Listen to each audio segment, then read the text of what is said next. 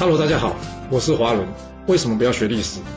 因为学历史会让你了解到顶层阶级的思考方式，成为他们的竞争者，所以他不希望你去学。还有学历史会让你看到许多前人成功及失败的案例，你的竞争对手想要好好的睡个觉，所以他也不希望你去学。最重要的是，学历史会让你了解人性，你的老板以及同事都希望你保持天真的心，所以他们更不希望你去学。就是因为这些原因，接下来我要跟你说的是故事，而不是历史。今天的主题是只有利益没有正义。我们刚刚在春秋第九十九集的故事中讲到，这鲁国大夫啊向齐国请求援助，结果这齐国国君齐景公，他判断要不要帮忙鲁国的标准是什么？就是怎么做对齐国才会最有利啊？听清楚了吗？不是对不对，也不是符不符合正义啊？而是怎么做对齐国最有利啊？要是你还记得我们之前讲到齐桓公的故事，你就会知道了。即使是当时天下的霸主，也是春秋五霸第一人啊。这齐桓公考虑要不要救鲁国的因素啊，也是利益。从这点来看，你就会知道，这国与国之间考虑的问题重点啊，其实一直以来都只有利益，很少人会去考虑道义啊或者正义什么东西的。虽然大家嘴上挂的都是我们是正义的一方，但是实际上。只要没有利益啊，根本就没有人会站在你这边。就像在今天的故事中啊，这齐国的贤人晏婴，还有这个大司马司马郎居这两个人，虽然这两个人呢都是以贤人著称啊，但最后在考量利益的前提下，不是也都认同齐景公的做法吗？有了这层的认知啊，当你再回过头来看看现在国际社会问题啊，你就会比较容易了解了。当这个国家说那个国家是坏蛋，或是那个国家呢说这个国家是邪恶的。这些说法背后真正的原因是什么？实际上不过就是对方不符合自己的国家利益，他们有道义或者正义可言吗？国与国之间呢，有时候的确需要拉帮结派，这样国家才能有效率的运行，或是说存活下去。但是身为民众的我们呢，要判断的是什么？就是这样做对我们国家或对我们自己有没有利益啊？就算是我们要用正义或是道义来做取舍，我们应不应该支持这个国家或是这件事啊？也应该要先弄清楚问题的根源，或是事物的本质，再来做决定啊。要知道啊，很多时候啊，政治人物选择在哪一边，并不是出自对国家利益啊，而是出自他们自己利益的最大化。若是我们无法独立判断，那就等于免费送这些人啊去截取不正当的利益啊。回到公司层面一样的，你以为这些主管或是说高管啊，在考量事情的时候，他们心里的第一目标是什么？通常来说啊，都是他自己个人的利益啊。除了老板本人呢，很少会有人将公司利益放在第一位的。虽然大家口中都是说哦，要对公司有向心力，或是要对公司忠心之类的话，但你仔细观察一下，真正能这样做的有几个人呢？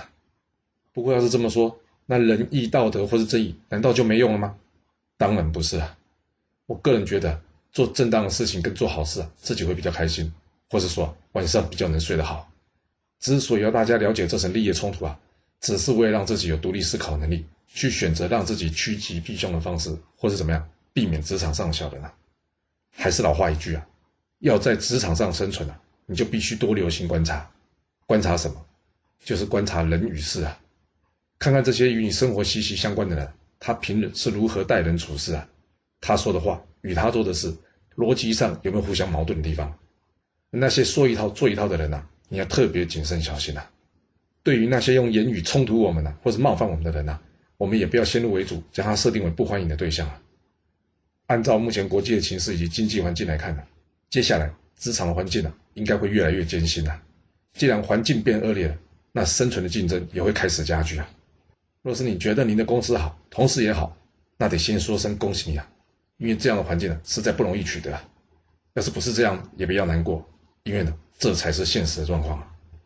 职场上的勾心斗角其实非常辛苦了，在上位的呢是为了抢夺位置，那在下位的呢则是为了保住饭碗。那些恶意中伤啊、栽赃嫁祸、邀功诿过的背后啊，其实目的都只有一个，就是将他自己个人利益最大化。别以为你不得罪人就没事啊，有时候啊得罪人是在不知不觉中的。就拿一个最一般的例子来说吧，你觉得努力工作有没有错啊？但是你换个角度去想哦，努力工作的人。是不是让那些想要偷懒的没有摸鱼的机会啊？那这是不是伤害了对方的利益啊？要是公司文化已经养成了一帮这样的人，那你觉得努力工作的人在这样的文化中会不会被排挤啊？但是要是不这么做，难道跟他们同流合污、浑水摸鱼吗？当然也不是啊。我的观念是啊，既然拿人家薪水啊，就应该要做该做的事。但是是不是要多做，或是说做到多好，那则是要看公司的主管或是同事啊。很抱歉啊，在这里我没有办法给你一个标准答案。就像我当兵的时候有一句俗话：“不打勤不打懒，专打不长眼的。”这什么意思啊？就是勤快不一定会被处罚哦。那不打懒是什么意思？就是偷懒不一定会有事，但是不长眼的就一定会出事。那是什么意思啊？不长眼的意思就是什么？就是没搞清楚状况啊。那究竟是没搞清楚什么状况呢？这可是因人而异，没有一定的标准啊。若你真的一定要找出这个问题的脉络啊，那我会说就是利益啊。由于每个人的喜好不同，对于利益的定义也不一样，只能说。那些会影响你职场生活，甚至你工作的人啊，他的利益是什么？你还是有需要去观察、留意，然后制定出应对的对策。你说是吧？若是你有其他想法，也欢迎你留言分享你的看法给大家哦。好啦，我们今天先说到这。如果你就是不听我的劝，想知道完整版的故事内容，你可以从说明栏找到我爱故事频道的连结。不过记住哦，你是来听故事的，而不是来学历史的。要是您喜欢这个频道，麻烦您动动您的手指，追踪、留言，或是给我五星评价的支持以及分享。